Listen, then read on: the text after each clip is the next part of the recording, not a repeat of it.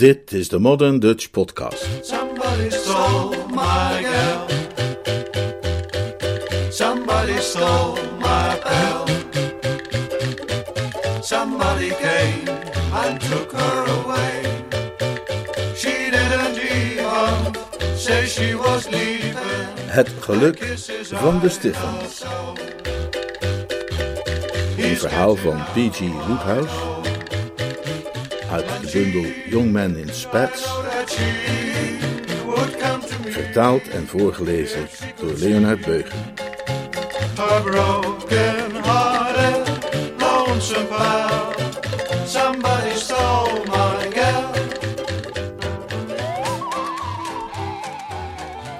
Het was barstens vol in de bar van de Drones Club. Er werd namelijk gezegd dat Pongo Twistleton iedereen zou trakteren. En iemand die rondjes schreef kan in de Drones Club altijd rekenen op een enorme toeloop en een dankbaar publiek. Baarden duwden er kalen opzij en kalen verdrongen er snorren en de lucht was vervuld van de kreten die sterke mannen slaakten uit vrees dat hun cocktails zouden worden omgestoten. Een stelletje kalen, wier eerste dorst was gelest, zonderde zich af van de menigte en trok zich terug in de verlaten rooksalon. Ze waren allemaal uitgedost in jacket, slopkousen en corsages, want zoals bijna iedereen waren ze net terug van de huwelijksreceptie van het echtpaar Stiffem Spattersbury.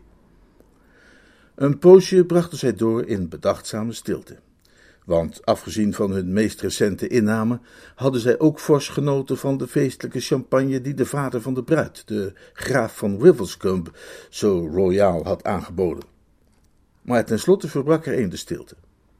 Oefie Prosser heeft goed te peeën, zei hij. "Eh, wie heeft wat waarin?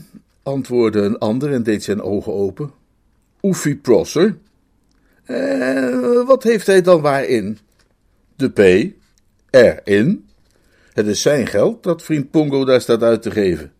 Oefie heeft honderd om acht met hem gewet dat Adolphe Steffem nooit of te nimmer met Geraldine Spattersbury zou trouwen, en Pongo heeft zijn winst geïnd zodra de dominee zijn vraag wilt gij Adolphus gesteld had en het groene lichtje ging branden. En uh, Oefie treurt om zijn verlies. Nou, natuurlijk, hij, hij dacht dat hij het voor elkaar had. Toen hij die weddenschap afsloot, zag het er naar uit dat Stiffy geen schijn van kans had. Denk maar eens even na.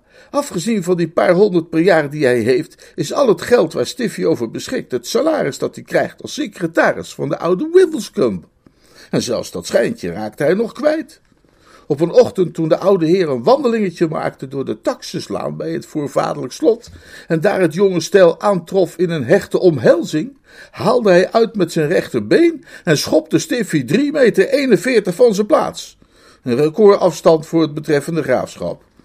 Vervolgens sleurde hij Geraldine mee naar binnen en sloot haar op in haar kamer.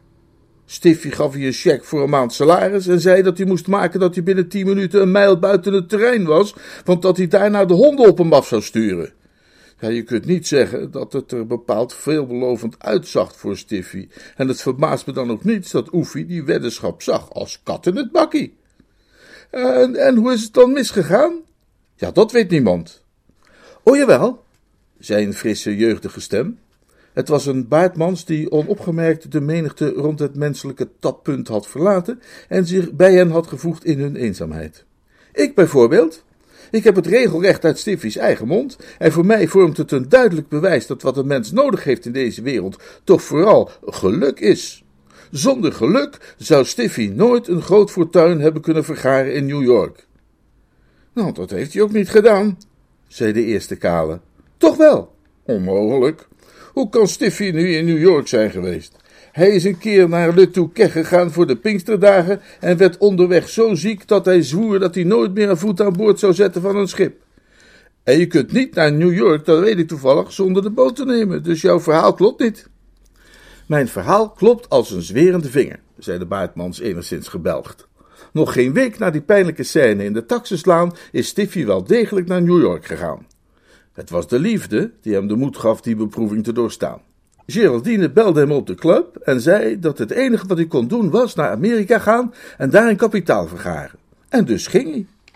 En een week of twee nadat hij daar was aangekomen, leerde hij er een heel geschikt kerel kennen, wiens ogen een beetje te dicht bij elkaar stonden en die een beetje vreemd praatte vanuit het zuidwestelijke hoekje van zijn mond, maar die hem ergens mee naartoe nam, waar een heleboel van dat soort kerels een spelletje zaten te spelen dat ze daar hebben, en dat ze craps noemen.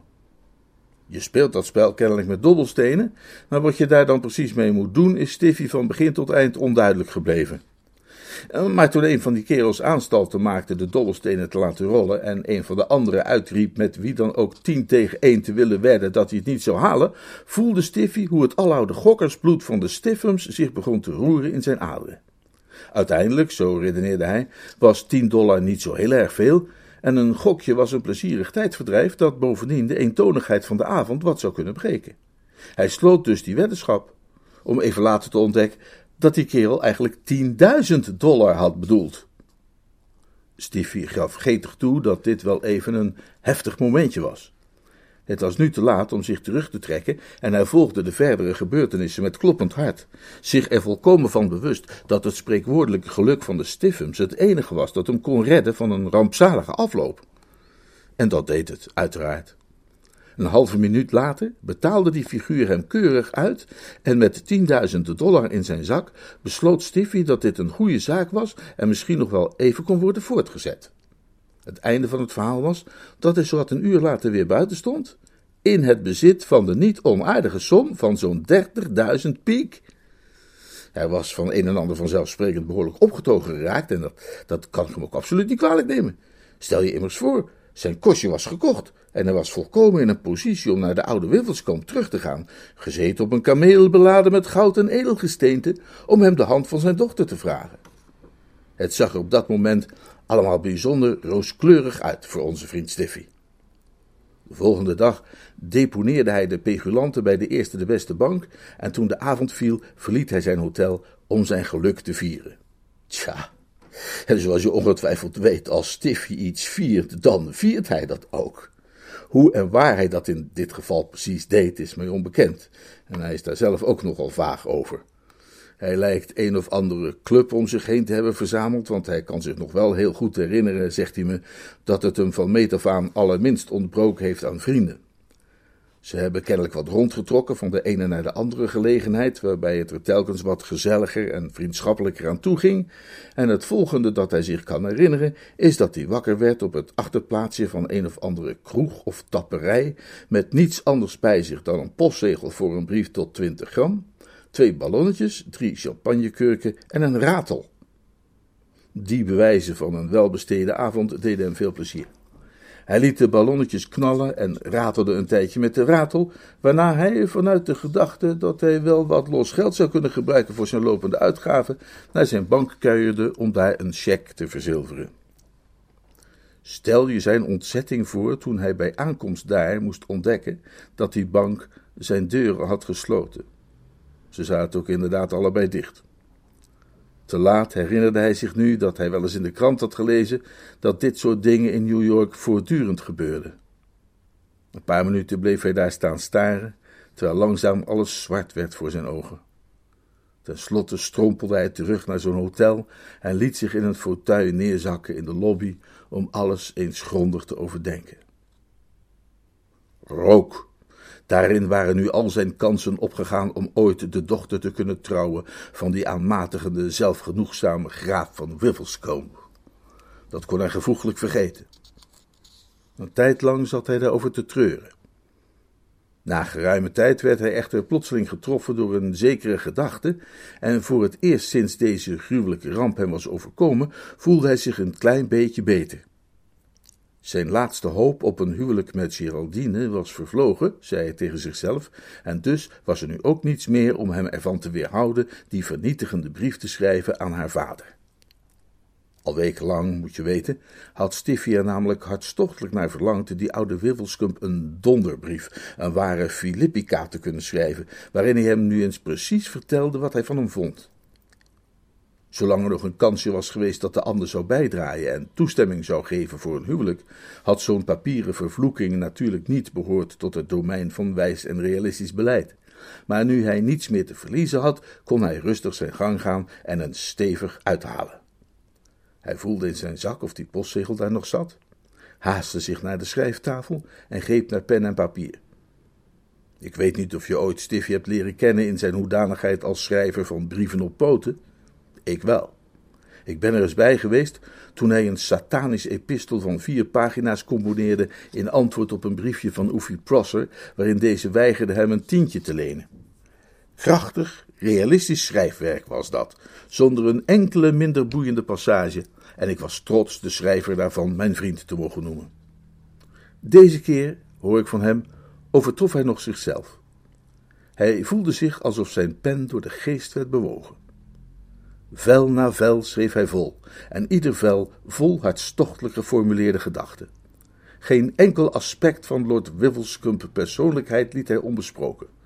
Uiterst gedetailleerd bracht hij zijn gevoelens onder woorden met betrekking tot Smans gewoonten en gebruiken, fysionomie, stropdassen, pantalons, zedelijke opvattingen, zijn manier om soep te eten, de wijze waarop hij op zijn snor kauwde en honderd andere zaken.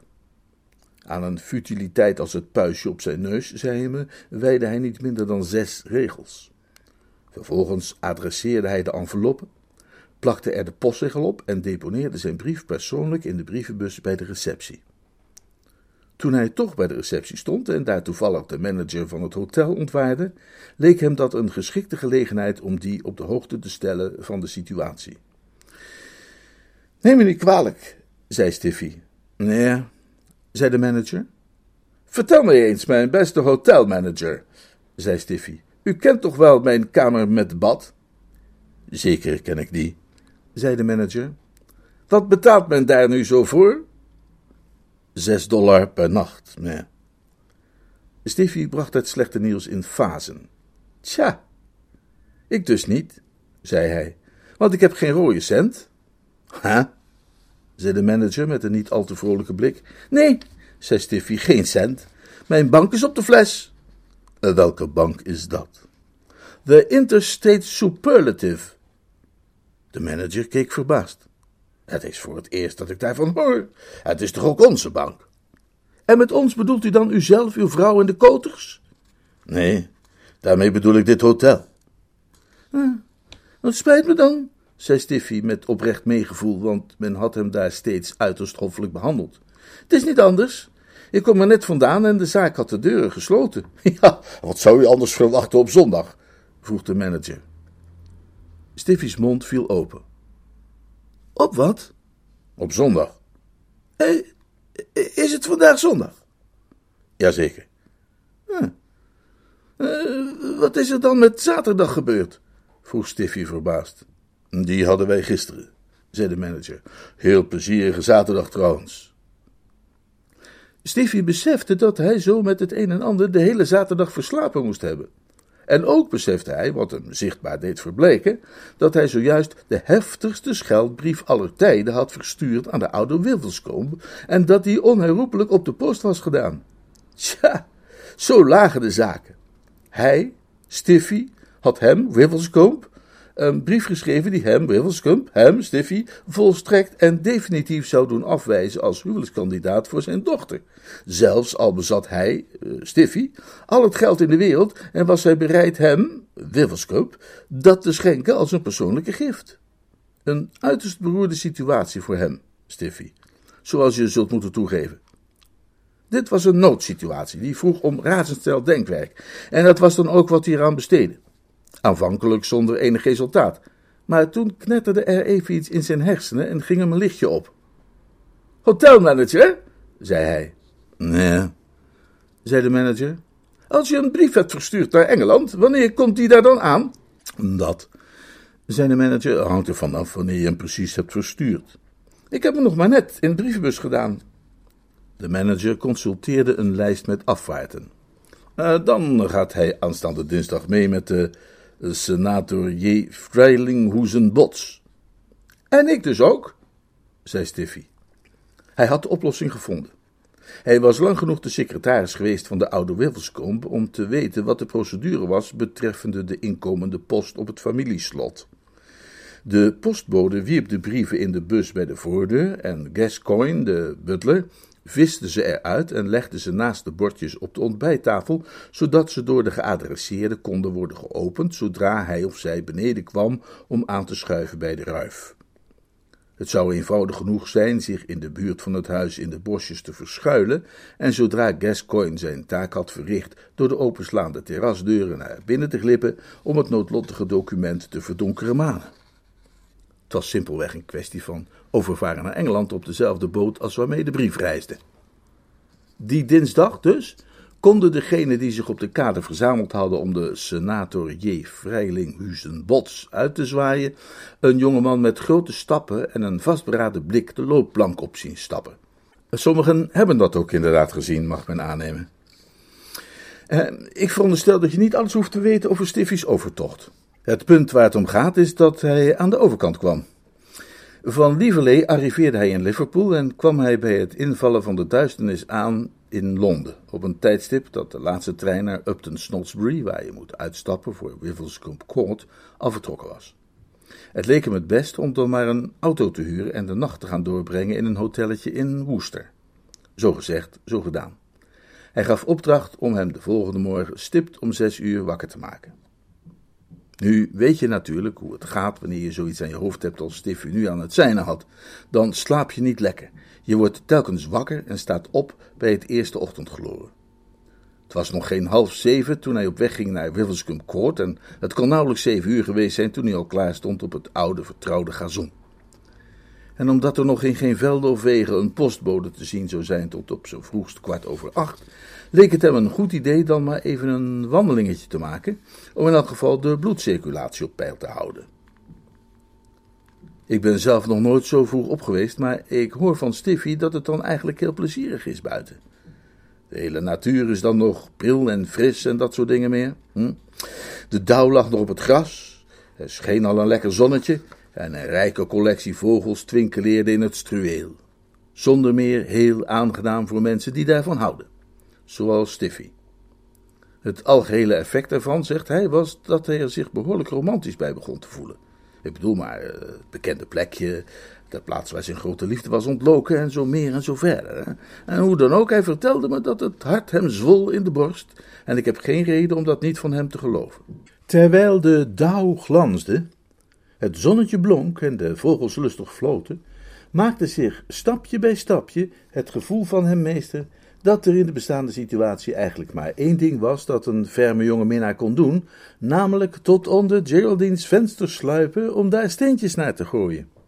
Dat zou tot gevolg hebben dat zij haar hoofd naar buiten stak, en dan zou hij haar een kushandje toewerpen, en zij zou een kushandje naar hem terugwerpen, en dan zou hij haar in de taal van de ogen duidelijk weten te maken dat zijn hart nog altijd haar toebehoorde, en wat al niet. Een verrukkelijke wijze om de tijd te passeren, meende Stiffy. Hij verzamelde een handvol modder en keitjes en mikte die zo zorgvuldig mogelijk in de juiste richting. Nu is het werpen van kiezelstenen naar slaapkamerramen een riskante onderneming. Als je goed in vorm bent, prima. Maar als je dat een tijdje al niet meer hebt gedaan, wordt het zuiver mikken een lastig punt. En dat nu overkwam onze Stiffy. Hij had zijn worp gericht op het raam van zijn geliefde, maar in plaats daarvan vloog de hele lading een meter of wat te veel naar links en trof het venster ernaast. Dat van de kamer waar Ferdinand James Delamere, de zesde graaf van Wisselscump, te slapen lag.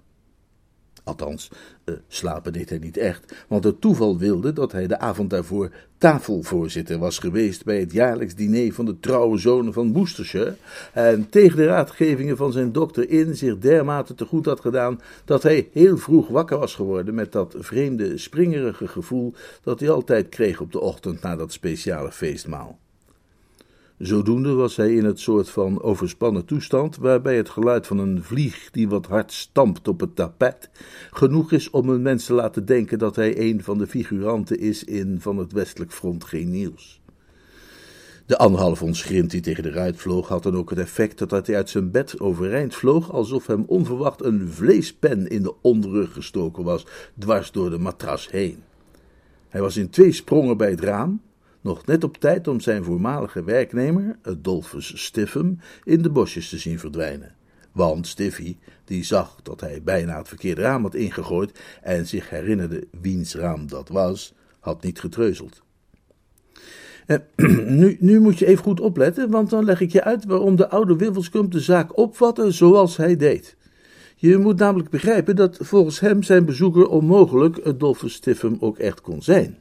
Althans niet in levende lijven. Hij had de menselijke natuur in de loop der jaren zorgvuldig bestudeerd en hij wist dat iemand die men ooit 3,41 meter heeft weggetrapt, nooit vrijwillig zal terugkeren naar de plek waar hem dat is overkomen. Bovendien wist hij dat Steffi naar Amerika was gegaan. Daarnaast verkeerde hij, zoals ik al zei, in een toestand van uiterste nerveuze spanning ten gevolge van het diner van het genootschap der trouwe zonen van Worcestershire. Het resultaat van een en ander was dat hij even later Geraldines kamer binnenstormde met verwarring en angst op zijn gezicht geschreven. Maar vader, zei Geraldine, terwijl ze rechtop ging zitten in bed, wat is er aan de hand? U ziet eruit alsof u een geest hebt gezien. Eh, ik heb ook een geest gezien. De witte dame van Wiffelscombe? Nee, de roze secretaris van Wiffelscombe. Ik zweer het je, Geraldine. Nog geen twee minuten geleden hoorde ik een griezelig soort geklop op mijn raam. Ik keek naar buiten en daar zag ik de schim, hoe heet het? Uh, de geestverschijning van die jonge stomkop, die Adolphus Stiffem. Hoe bedoelt u die jonge stomkop, Adolphus Stiffem? verlangde Geraldine te weten. En ze vroeg het met een vrouwelijke warmhartigheid die haar sierde. Waar haalt u dat de jonge stomkop gedoe vandaan? U heeft het wel over de man van wie ik houd? Nou, daar kun je dat beter mee ophouden, met dat houden van, riposteerde haar vader met dezelfde soort warmte, want hij is, hij is overgegaan naar de andere zijde. Bent u er zeker van dat het zijn geest was? Ja, natuurlijk was het zijn geest. Dacht je dat ik een geest niet herkende als ik er geen zag, hè? Ik ben mijn hele leven al mediamiek geweest. Mijn hele familie is ontzettend mediamiek. Mijn moeder was een bellendellig van Portnocky en zag altijd haar vriendinnen in lijkwaden gewikkeld rondwandelen. Het heeft haar minder geliefd gemaakt het hele graafschap, dat wel. Bovendien heb jij mij zelf verteld dat die Stiffem in Amerika zit. Wat er kennelijk is gebeurd, is dat de ongelukkige sukkel daar ergens op de wijde prairie op de een of andere manier het hoekje is omgegaan. Geraldine wierp hem een gloeiende blik toe. En wiens schuld is het dat hij naar Amerika is gegaan, hè? De uwe? Hè? Wat, wat bedoel je, verdorie? Ik heb die sukkel nooit gevraagd om naar Amerika te gaan, hoor. Nee, maar hij is daarheen gegaan als een direct gevolg van uw stijfkoppigheid en onmenselijke houding. En nu is hij, denk ik, doodgeschoten door gangsters, zoals iedereen daar in Amerika. Zat er een kogelwond in zijn voorhoofd? Dat zou ik je niet kunnen zeggen. Daarvoor was hij weer te snel verdwenen. Hij lachte alleen een stille, akelige lach en leek door het struikgewas te worden opgenomen. Foei, zei Lord Wiffelscamp. Denk dat ik maar, dat ik maar eens naar beneden ga om wat te ontbijten. Ik heb behoefte aan koffie.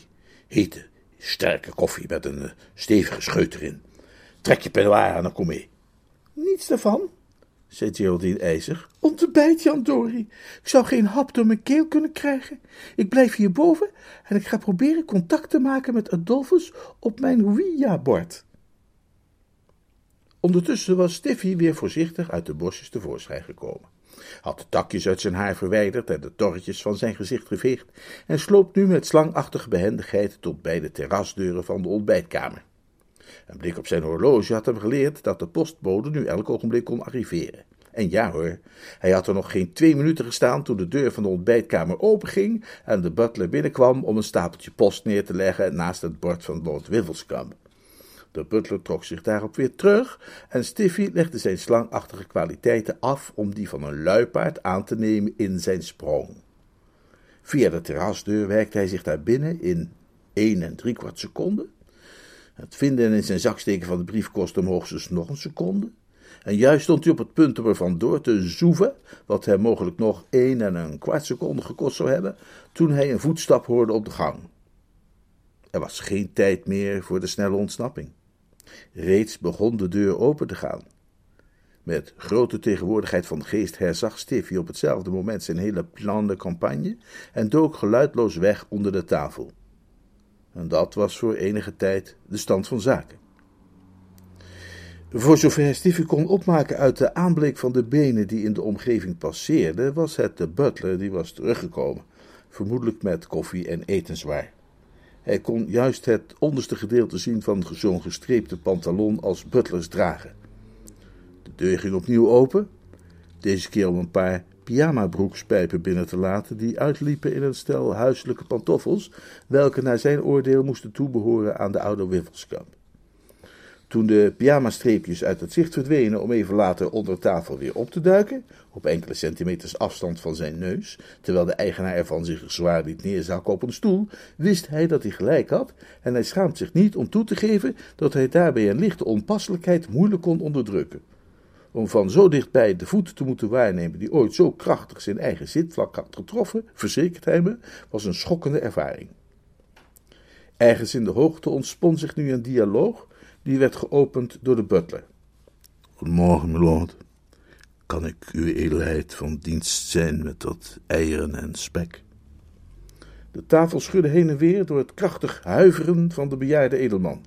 Geen grapjes, alsjeblieft, Gascoigne. er zijn momenten waarop men over eieren kan spreken. En er zijn momenten waarop men dat niet kan doen. Hm? Dit ogenblik zou ik het liefst geheel en al vergeten dat er in de wereld zoiets als eieren bestaan. Wat jij mij wel mag brengen, en bij voorkeur razendsnel, is een kopje hele hete, hele sterke koffie, met daarin een ferme scheut oude cognac, alsmede een droog, zeer droog stukje toast. De butler kuchte op een vrij onaangename en kritische wijze.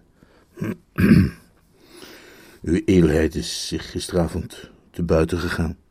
Volstrekt niet. Uw edelheid heeft zich aan de champagne gewaagd. Nou, nauwelijks een slokje. Hm, een fles? Ah, een fles zou kunnen. Twee flessen?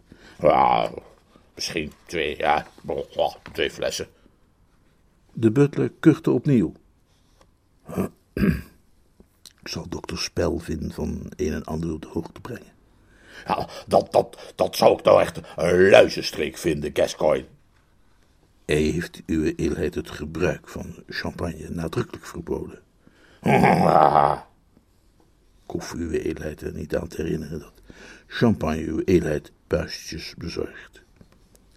De oude Wiffelskump blafte hem chagrijnig toe. Ja, eh, ik wou dat jij hier in hemelsnaam niet zo bleef staan te zeuren over champagne. Ik wil dat woord niet eens meer genoemd hebben in mijn aanwezigheid. Uitstekend, milord, zei de butler stijfjes. Uw koffie, milord. Droge toast bevindt zich bij uw elleboog. Het bleef even stil. Uit het slurpende geluid dat daar boven losbarstte, maakte Stiffy op dat de oude Wiffelskum zijn koffie dronk. Die theorie werd nog ondersteund door het feit dat toen hij weer sprak, dat was met een krachtiger stemgeluid. Ja, nou, je hoeft me niet zo aan te kijken, Gascoigne. Hè? Een duchtig feestje zo af en toe moet toch kunnen. De boog kan niet altijd gespannen zijn. Op uw leeftijd, milord, uh, zijn alle feestjes uiterst onverstandig. Ja, wat bedoel jij mijn leeftijd? Een man is zo oud als hij zich voelt. Hm, uitstekend, milord. Waar jij daar fout in gaat, Gascoigne, waar jij er helemaal naast zit, hè, dat is in de veronderstelling dat ik vanmorgen een kater heb. Hm. Niets kon verder verwijderd zijn van de waarheid. Ik voel mij zo fris als een hoentje. Kijk maar eens naar mijn hand. Zo onbeweeglijk als een rots. Kennelijk waagde de oude Wiffelskum zich daarbij aan een demonstratie. Een servet dwarrelde tot op de grond. Nou, uiterst wiebelig, milord. Volstrekt niet, zei de oude Wiffelskum driftig. Dat, dat, dat servet, hè, dat servet, dat, dat heb ik opzettelijk laten vallen. Om je te kunnen laten zien hoe gemakkelijk ik dat weer op kan rapen. Hè? Kijk, Cashcoin, nu raap ik dat servet weer even op. Maar dat was niet zo. Dat deed hij niet. Hij boog zich voorover en zijn vingers raakten het ding aan, maar terwijl hij dat deed, keek hij onverwacht in Stiffy's uitpuilende ogen. Er volgde een kort moment van verwarring en gêne, maar daarop verdween het gezicht van de graaf weer uit beeld en Stiffy hoorde hem even rochelende geluiden maken. Gascoigne! Lord. Gascoigne, er zit een geest onder de tafel. Hm, uitstekend, milord. Hoe bedoel je uitstekend, milord? Sta daar niet zo stom uitstekend, milord, te zeggen. Eh, eh, doe er iets aan, man. Doe er iets aan. U mij niet kwalijk, milord, maar ik heb niet helder voor ogen wat uw edelheid uh, exact zou wensen dat ik doe. Ja, dat ding wegjagen natuurlijk. Maar werkelijk, milord. De stem van de oude Wiffelskum begon meer en meer gespannen te klinken. Kescoin, je hebt me toch horen zeggen dat deze kamer wemelt van de geestverschijningen. Ja, milord. Geloof je me soms niet? Uh, nee, milord. Nou, kijk, kijk dan zelf. Hè. Ik zeg je dat daar een geest zit. Dat verdomde, zing, dat, dat verdomde ding zit me de hele ochtend al achterna. Til het tafellaken op, kijstoin en gebruik je ogen. Uitstekend, milord, wanneer uw edelheid daarop staat. Maar ik verwacht niet dat ik in staat zal zijn de apparitie uh, waar te nemen waarnaar uw edelheid verwijst. Maar dat was hij natuurlijk wel. Vriend Stiffy was uiteraard het allereerste dat hij ontwaarde. Maar tegen die tijd hield Stiffy, die misschien wel een onnozelaar mag zijn, maar bij gelegenheid een verrassend staaltje van gezond verstand kan vertonen, zijn linkerwijsvinger tegen zijn lippen en zijn rechterhand uitgestrekt met daarin een briefje van vijf pond. De butler incasseerde het briefje van vijf en kwam overeind. En? Gascoigne? Het licht onder de tafel is wat gebrekkig, milord. Ik zal nog een keer kijken. Hij boog zich opnieuw voorover en Stiffy herhaalde zijn actie met een tweede briefje van vijf. Uh, nee, milord. Er is hier niets te zien. Geen geestverschijningen, Gascoigne. Geen geestverschijningen, milord. De oude Wiffelskum slaakte een hol gekreun en vervolgens was er het geluid van een stoel die achteruit werd geschoven. Ah, hm. ah ik, ik, ik, maak even een korte, verkwikkende wandeling, Gascoigne. Uitstekend, milord. Ah, je weet zeker dat je niets gezien hebt? Heel zeker, milord. Ook niet een uh, wijlen Adolphus Stiffen? Nee, milord. De deur sloot zich achter de oude Wiffelskump en Stiffy kroop tevoorschijn. Goedemorgen, Gascoigne. Goedemorgen, meneer. jij, jij zult wel even geschrokken zijn, Gascoigne. Ik moet bekennen dat ik een ogenblik sterk verbaasd was, meneer. Ik was in de veronderstelling dat u op dit moment verbleef in de Verenigde Staten van Noord-Amerika. Ja, dat is een lang verhaal, zei Stiffy. Maar het komt er uiteindelijk op neer uh, dat ik Lady Geraldine onmiddellijk even moet spreken. Is op haar kamer? Nou, uit persoonlijke waarneming kan ik u dat niet zeggen, meneer, maar ik ben geneigd te veronderstellen dat Milady haar kamer inderdaad nog niet heeft verlaten. Wenst u dat ik u aankondig, meneer? Nee, dankjewel. En ik vind het zelf wel. Stiffy zoefde dus naar boven en zat even later op het randje van Geraldine's bed, staarde in haar ogen en hield haar hand in de zijne. De juiste bewoordingen van wat zij elkander te vertellen hadden, heeft Stiffy mij niet onthuld, maar ongetwijfeld is zij begonnen met een korte verklaring van zijn aanwezigheid daar en hebben ze verder gesproken over de dingen waar jonge minnaars het zo al over hebben, wanneer ze elkaar na een lange afwezigheid terugzien. Goed dan ook, hij zei me dat ze nogal geconcentreerd in gesprek waren toen de deurknop kraakte. Hij had nog juist tijd om weg te duiken in een daartoe geschikte wandkast, terwijl de oude Wiffelskump binnenkwam. Er was echter een fragment van een seconde dat de blikken van de twee mannen elkaar kruisten. Direct daarna bevond Stiffy zich in de kast te midden van Geraldine's zomerjurkjes. De oude Wiffelskump moest heftig slikken. Geraldine, zei hij, voor jou staat een man die door geestverschijningen wordt achtervolgd. Is dat zo, vader? Ja, dat, dat, dat is zo. Toen ik vanmorgen naar de ontbijtkamer ging, wat denk je, wat denk je dat er toen gebeurde? Onder de tafel daar verscheen het fantoom van die stop van, uh, van dat voortreffelijke jongmens, Adolphus Stiffen, op wie ik altijd zeer gesteld ben geweest, ook al kan hij uit mijn uiterlijke gedragingen wellicht andere conclusies hebben getrokken, zei de oude Wiffelskump met een lichte stemverheffing. Hij staarde mij aan met, met precies dezelfde stomse. Uh, uh, met diezelfde open en sympathieke blik die ik mij zo goed van hem herinner. En wat heeft u toen gedaan? Uh, ik heb Gascoigne gevraagd om, om de feiten te controleren. Dus Gascoigne heeft een blik geworpen. Maar de verschijning bleef voor hem onzichtbaar. Ach zo, Ja, en ik neem aan dat hij voor jou ook wel onzichtbaar zal zijn, want toen ik hier zojuist de kamer binnenkwam, en het is het woord van een wiffelskump uit Worcestershire waarmee ik je dat zeg, kon ik overduidelijk waarnemen hoe dat spooksel die kast daar binnenglipte. Onzin. Nee, dat, dat is helemaal geen onzin. Die kast daar? Ja, die, diezelfde kast. Nou, zal ik eens kijken? Pas op dat hij je niet bijt, zei Lord Wiffelskump angstig. De kastdeur ging open en Geraldine gluurde naar binnen. Nee hoor, zei ze, hier is niets te zien. Er ontsnapte de oude Wiffelskump opnieuw een hol gekreun. nee, nee, tuurlijk, tuurlijk kun je dat niet zien. Hè. Het is voor mij bedoeld. Hè. Mooi is dat. Hoe moet ik nu een landgoed runnen waar de hele tijd maar weer een enorm spookverschijnsel opduikt? Dat, dat is funest voor de concentratie. Geraldine legde een troostende hand op zijn bevende schouder. Nou, ik denk niet dat het zo erg zal hoeven worden, vader. Ik denk dat ik wel begrijp wat hier is gebeurd. Naar mijn mening is deze verschijning u gezonden als een waarschuwing. Een waarschuwing? Ja, over dat soort gevallen heb ik wel eens gelezen. Soms gebeurt het dat het fantoom van een bepaalde individualiteit, laten we hem A noemen of B. Ja, wat jij het liefst hebt. Dat het fantoom van een bepaalde individualiteit, A dus of B, zich vertoont niet nadat, maar voordat die individualiteit is overgegaan naar de andere zijde. De bedoeling daarvan is dat in de geest van de persoon die het fenomeen waarneemt, en die zouden we C kunnen noemen. Ja, zonder meer dat in de geest van de persoon C zich het besef vormt dat, tenzij adequate maatregelen worden genomen, die betreffende individualiteit het aards leven zal moeten verlaten. Het is als het ware een vermanende, waarschuwende projectie van die sterveling elders op aarde. Lord Wifflescump hief zijn hoofd op uit zijn handen. Dus je bedoelt dat volgens jou die, verd uh, uh, die verrukkelijke jongeling, Adolphus Stiffem, die ik altijd meer als een zoon heb gezien dan als iets anders, uh, dat die nog in leven is?